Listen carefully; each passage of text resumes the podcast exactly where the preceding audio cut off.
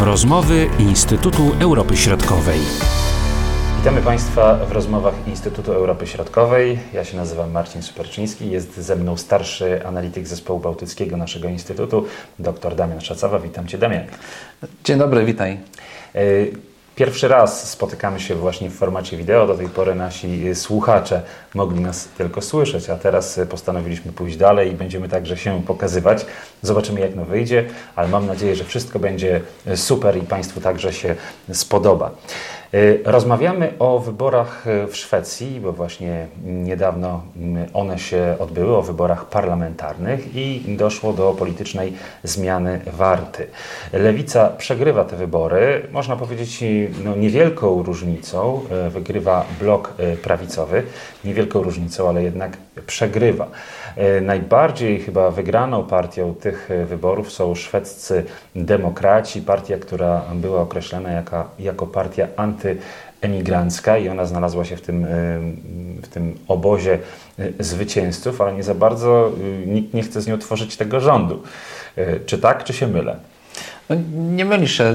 Dobrze przedstawiłeś tą sytuację. E, czyli mamy, mamy wyniki, a w zasadzie w tym momencie niemalże już pełne, bo tak jak siadaliśmy do rozmowy, no to został jeszcze chyba tylko jeden obwód do, do zliczenia, więc można powiedzieć, że te wyniki są już zamknięte i one się nie zmienią. No i faktycznie jest tak, że te partie określane mianem centroprawicy zdobyły 176 mandatów w 349-osobowym parlamencie Riksdagu, czyli e, ta minimalna większość to jest 175, tak? czyli mają te trzy mandaty różnicy, albo inaczej dwa mandaty ponad, e, ponad tą E, minimalną, e, minimalną większość. I faktycznie jest tak, że e, w mediach mówi, mówią analitycy o tym, że mamy do czynienia z takim triumfem szwedzkich demokratów, partii, która dostała się po raz pierwszy do parlamentu w 2010 roku. Ona startowała jeszcze wcześniej, ale nie, wtedy nie przekroczyła tego progu 4% e, i nie dostawała się. I z każdym, e, w każdych kolejnych wyborach w 2014, 2018 i teraz w 2022 roku zwiększała swoje poparcie. Do tego stopnia, że w tym momencie jest to największa partia, która jest po tej prawej stronie sceny politycznej. E, co warto też podkreślić, jest to partia, która znajduje się najbardziej na prawo w szwedzkim parlamencie. Ponad 20% y, z tego co pamiętam y, głosów udało się uzyskać y, właśnie temu ugrupowaniu. Ono jest obecne od wielu lat na szwedzkiej scenie politycznej i no właśnie, było bardzo radykalne, czy tak bardzo radykalne jak w przeszłości jest też dzisiaj, jeśli chodzi właśnie o tą retorykę antyemigrancką na przykład? Znaczy, to nie jest już ta sama partia, która, która była powiedzmy na początku XXI wieku, czy we wcześniejszych wyborach. Ona ona dość mocno, znaczy może dość mocno to jest za dużo powiedziane, ale ona, ona w tym momencie jest, tak jak mówiłem, najbardziej radykalną e, partią po stronie, najbardziej prawicową partią na szwedzkiej scenie politycznej.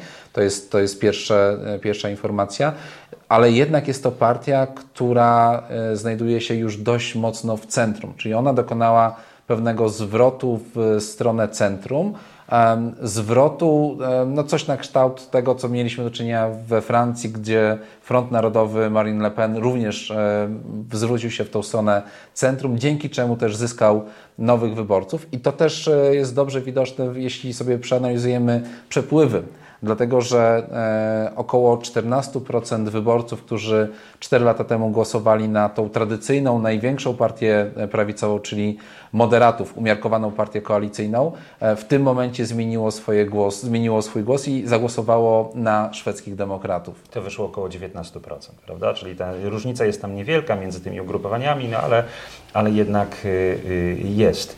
Y, warto też chyba powiedzieć, że socjaldemokraci, którzy do tej, pory, do tej pory rządzili w Szwecji od 8 lat, też zanotowali lepszy wynik niż ostatnio, tam z tego co pamiętam chyba o 2%, ale jednak był ten, ten wzrost popularności. To jednak zabrakło w skali całego bloku lewicowego. Porozmawiajmy trochę o tej kampanii wyborczej, a raczej o tym, co oba te bloki miały do zaproponowania wyborcom. Dlaczego prawica wygrywa, dlaczego lewica zanotowała ten słabszy wynik? No, tutaj można powiedzieć, że e, cała kampania wyborcza od samego początku była zdominowana przez e, dwa tematy, e, które były kluczowe dla tego, że wygrały partie centroprawicowe nad partiami centrolewicowymi. Czyli to są przede wszystkim kwestie związane z gospodarką, z problemami gospodarczymi, a dokładnie mówiąc rosnącą inflacją, która wcześniej, przed wyborami, w momencie, gdy, e, gdy kampania wyborcza ruszała, ona osiągnęła rekordowy e, poziom od 1991 roku. E, to, jest, to, to, to był pierwszy element. W dużej mierze to się nakładało na rosnące ceny energii elektrycznej, rosnące koszty paliw.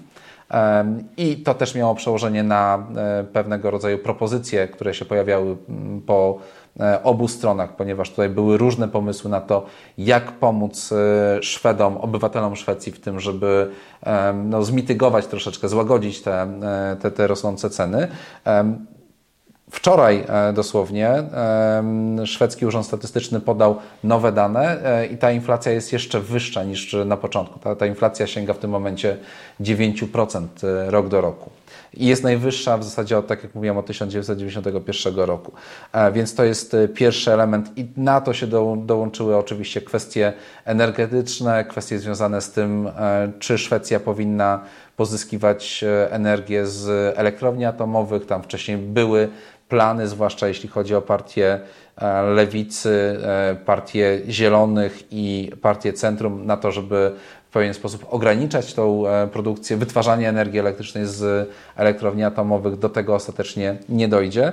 Drugi element, e, który e, no, bardzo mocno wpłynął na zwłaszcza pozycję szwedzkich na, i, i, poparcie dla szwedzkich demokratów, to jest problem z rosnącą przestępczością, przestępczością zorganizowaną, z, krótko mówiąc, z walkami gangów, które E, wyszły e, już jakiś czas temu e, z tych trzech największych miast, czyli to nie jest w tym momencie tylko i wyłącznie problem Sztokholmu, Göteborga czy Malmö, ale to jest problem, który no, jest postrzegany jako problem ogólnokrajowy. I pomimo różnych prób rządzącej socjaldemokracji nie udało się tutaj nic z tym zrobić. Nie udało się do tego stopnia, że 2022 rok będzie rokiem, e, no niestety, rekordowym, jeśli chodzi o liczbę e, osób, które zginęły w wyniku postrzałów, e, od, od krótko mówiąc, w, w, trakcie walk pomiędzy różnego rodzaju gangami, grupami zorganizowanej przestępczości. I rozumiem, że prawica przedstawiała jakieś propozycje, które mają temu zaradzić. Tak, no to, to można powiedzieć w ten sposób, że pierwsze diagnozy są takie, że wszystkie strony, a w zasadzie te główne partie, czyli i moderaci, i socjaldemokraci, zgadzali się niejako z postawieniem e, tej sprawy jako jedno z ważniejszych problemów w Szwecji. No i teraz e, miały różne pomysły na to, co, co należy zrobić. Socjaldemokraci mówili, że należy zwiększyć integrację pomiędzy obywatelami a e, imigrantami, że tutaj zawiodły te instytucje, które za to odpowiadają. E, kwestia poprawy szkolnictwa, większego włączania tych osób to, była, to było to, na co Magdalena Andersson zwracała największą uwagę. E, natomiast e, no, inny, inną diagnozę i inny sposób na rozwiązanie tego, tego problemu postawili moderaci i szwedzcy demokraci. Oczywiście tam były różnice dość, dość znaczne, ale generalnie obie partie bardzo mocno proponowały, że należy e, zwiększyć kary za, przez, za udział w, w gangach, za, za udział w tych grupach zorganizowanej przestępczości. Szwedzcy demokraci w zasadzie mówili, że należy bardzo bardzo mocno ograniczyć e, migrację, nawet do tego stopnia, że e, powinna Szwecja osiągnąć ten poziom e, migracji netto, czyli, czyli to chodziło, chodziło o to, żeby więcej osób nawet wyjeżdżało ze Szwecji niż przyjeżdżało. Szwedzcy demokraci postulowali również zaostrzenie prawa migracyjnego, na przykład chcą za tym, żeby zakazać, e, mm, zabronić tak naprawdę udzielania azylu osobom, które ubiegają się o tą ochronę międzynarodową na podstawie na przykład prześladowań na tle religijnym albo na podstawie prześladowań na tle płci chociażby. Mhm. E, jeśli chodzi o problematykę mm, polityki międzynarodowej, na ile ona była obecna w kampanii wyborczej i czy miała większe znaczenie dla tej debaty szwedzkiej, no i dla tych końcowych wyborów? Ona nie miała e, większego znaczenia. Ja, ja odsyłam do zainteresowanych do jednego z naszych poprzednich e, rozmów e, podcastów, gdzie o tym, o tym troszeczkę rozmawialiśmy. E, premier Magdalenie Andersson udało się usunąć te kwestie dotyczące członkostwa Szwecji w NATO i tej integracji, czy też akcesji Szwecji do Sojuszu Północnoatlantyckiego, więc e, to nie było w ogóle e, praktycznie przedmiotem mm, debaty, kampanii pomiędzy po- głównymi partiami. Prawie, dlatego że z, z tym zastrzeżeniem, że e, to się pojawiało po lewej stronie bloku, e, po, po lewej stronie sceny politycznej, dlatego że e, partia lewicy, która była przeciwna akcesji Szwecji do NATO, no w dalszym ciągu na przykład występowała, politycy tej partii w dalszym ciągu występowali w mediach i pokazywali swoje poparcie dla partii pracujących Kurdystanu, co jak wiemy no jest dość, dużą, dość dużym problemem, dość, dużym, dość dużą przeszkodą, jeśli chodzi o relacje pomiędzy Szwecją a Turcją. E, Ten, ta, ten, ta, ta proces, ten proces nie jest jeszcze zakończony. Kolejny z ważnych elementów, który będzie tak naprawdę w kolejnych miesiącach e, istotny, to są przygotowania do e, objęcia przez Szwecję przewodnictwa w Radzie Unii Europejskiej, co nastąpi w styczniu e, 2023 roku. I to jest e, potencjalnie dość duże, dość duże wyzwanie, e, zwłaszcza biorąc, biorąc pod uwagę, że e, no nie wiemy, jak będzie wyglądał rząd, nie wiemy, kiedy on zostanie Czy powołany. będzie większościowy, czy będzie mniejszościowy? Tak. Tak, e, raczej należałoby się spodziewać e, kolejnego rządu mniejszościowego, ponieważ te różnice są To nie jest problem niezbyt minimalne. Nie, ja nie powiedziałbym, że to jest, że to jest problem. Właśnie, że to nie jest problem, powiedziałem. To nie, tak, to, to nie jest, to, dokładnie, to nie jest problem. Szwedzi dość dobrze funkcjonują w, w sytuacjach, gdy ten rząd jest mniejszościowy, aczkolwiek oczywiście to nie jest łatwa sytuacja. E, I z tego zdają sobie sprawę e, politycy, z tego zdaje sobie sprawę lider moderatów, Ulf Kristersson, który, e, który będzie jako pierwszy tak naprawdę otrzyma szansę sformułowania rządu, ponieważ e, dzisiaj o godzinie 11, a więc dosłownie półtora godziny temu premier Magdalena Andersson e, złożyła dymisję na ręce przewodniczącego szwedzkiego parlamentu Talmana, e, który, który, którym jest Andreas Norlen. No i w tym momencie Magdalena Andersson będzie stała na czele rządu tymczasowego do czasu, aż now, zbierze się nowy Riksdag i aż nowy, e, nowy przewodniczący tego Riksdagu wskaże kandydata, który będzie następnie mógł zbierać formalnie poparcie dla swojej osoby.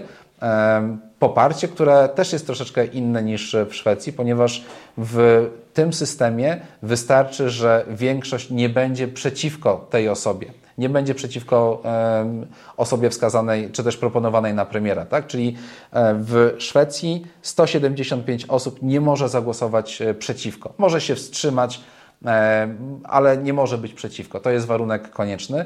Można jeszcze powiedzieć, że że e, pierwsze posiedzenie nowego Riksdagu będzie 27 września, co oznacza, że i jeżeli założymy, że wtedy zostanie wskazany, wskazana ta osoba, czyli lider moderatów Ulf Kristersson, e, no to, e, no to pierwsze głosowanie e, nad jego, nad jego osobą powinno mieć miejsce najpóźniej 1 października. Czyli w sumie jest jeszcze trochę czasu, ale też nie jest to jakaś odległa przyszłość, czyli na początku października praktycznie już wszystko powinno być jasne, co się będzie działo. I tak, i nie, dlatego że, e, tak jak mówiliśmy, te głosy zdobyte przez poszczególne partie są bardzo, bardzo bliskie siebie. Te, te dwa bloki są bardzo blisko siebie.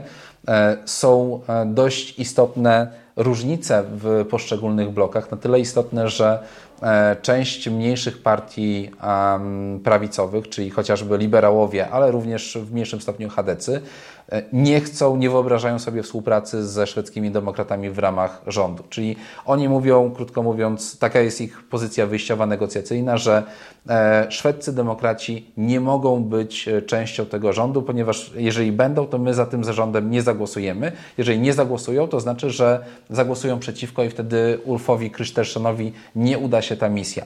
To jest oczywiście ich wstępne, wstępne stanowisko. Z drugiej strony, po stronie lewicy również mamy e, taką sytuację, sytuację, że dwie partie, które, e, partia lewicy, czyli byli komuniści oraz partia centrum, która w ostatnim okresie dokonała zwrotu w stronę lewicy, co nawiasem mówiąc bardzo jej się nie opłaciło, ponieważ to jest największy przegrany w tym momencie, e, to te dwie partie również nie chcą ze sobą współpracować e, w ramach, powiedziałbym, tej koalicji centro, centrolewicowej.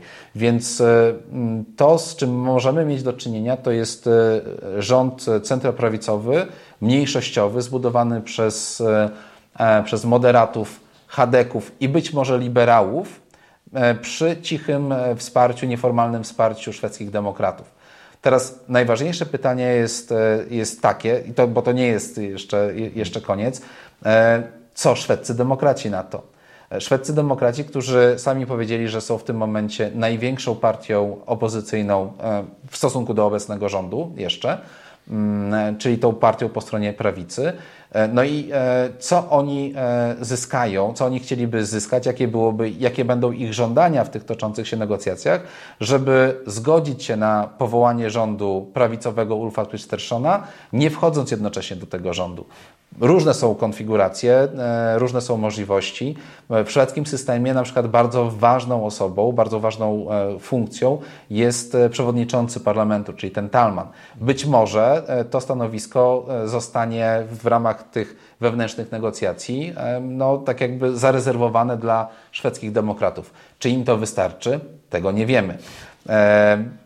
Jakie będą stanowiska e, pozostałych partii?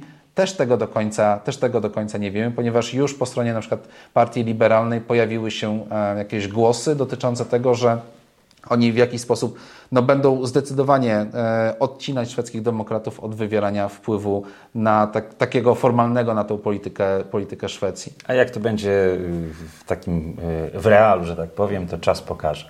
Tak, czas pokaże. Mamy, te, te negocjacje już ruszyły. No to w tym momencie to jest e, świetne pole do obserwowania, jakie będą stanowiska poszczególnych partii, ponieważ mniejsze partie, e, które są kluczowe do tego, żeby osiągnąć tą większość, one doskonale sobie zdają sprawę zarówno z tego, że są małe i nie mogą żądać zbyt wiele, ale z drugiej strony zdają sobie sprawę, że są kluczowe, tak, tak, dokładnie, że, że są kluczowe na tej scenie do dopełnienia tej układanki. A Szwecja e, no, znajduje się w dość istotnym momencie, więc, e, więc tutaj też wszystkim zależy, wszystkim partiom po stronie tej, przynajmniej centroprawicy, zależy na tym, żeby pokazać, że dość szybko są w stanie sformułować rząd. Niech to będzie rząd mniejszościowy, ponieważ mamy kwestię związaną z no, szalejącą jak na warunki szwedzkie inflacją. Mamy kwestię związaną z rosnącymi kosztami życia, czyli te kwestie energetyczne. Mamy kwestie wreszcie związane z bezpieczeństwem, bo to jest proces akcesji do NATO, do NATO nie jest zakończony. E, no, mamy też e, kwestię przewodnictwa Szwecji w Unii Europejskiej, więc to są te tematy, e, które, które, które na siebie nakładają i które powodują, że no, taka sytuacja, z jaką mieliśmy do czynienia 4 lata temu, gdy musieliśmy czekać ponad 130 dni na to, że od, aby utworzył się rząd wtedy Stefana Löfvena po, po, po wyborach w 2018 roku, no teraz byłaby bardzo niekorzystna dla Szwedów. Zobaczymy, jak będzie w każdym razie i będziemy mieli kolejny powód y, do tego, żeby się spotkać i na ten temat porozmawiać. Zdecydowanie. Bardzo dziękuję y, Damianie za rozmowę. Dziękuję Państwu za uwagę. Do usłyszenia, do zobaczenia. Dziękuję. Były to rozmowy Instytutu Europy Środkowej.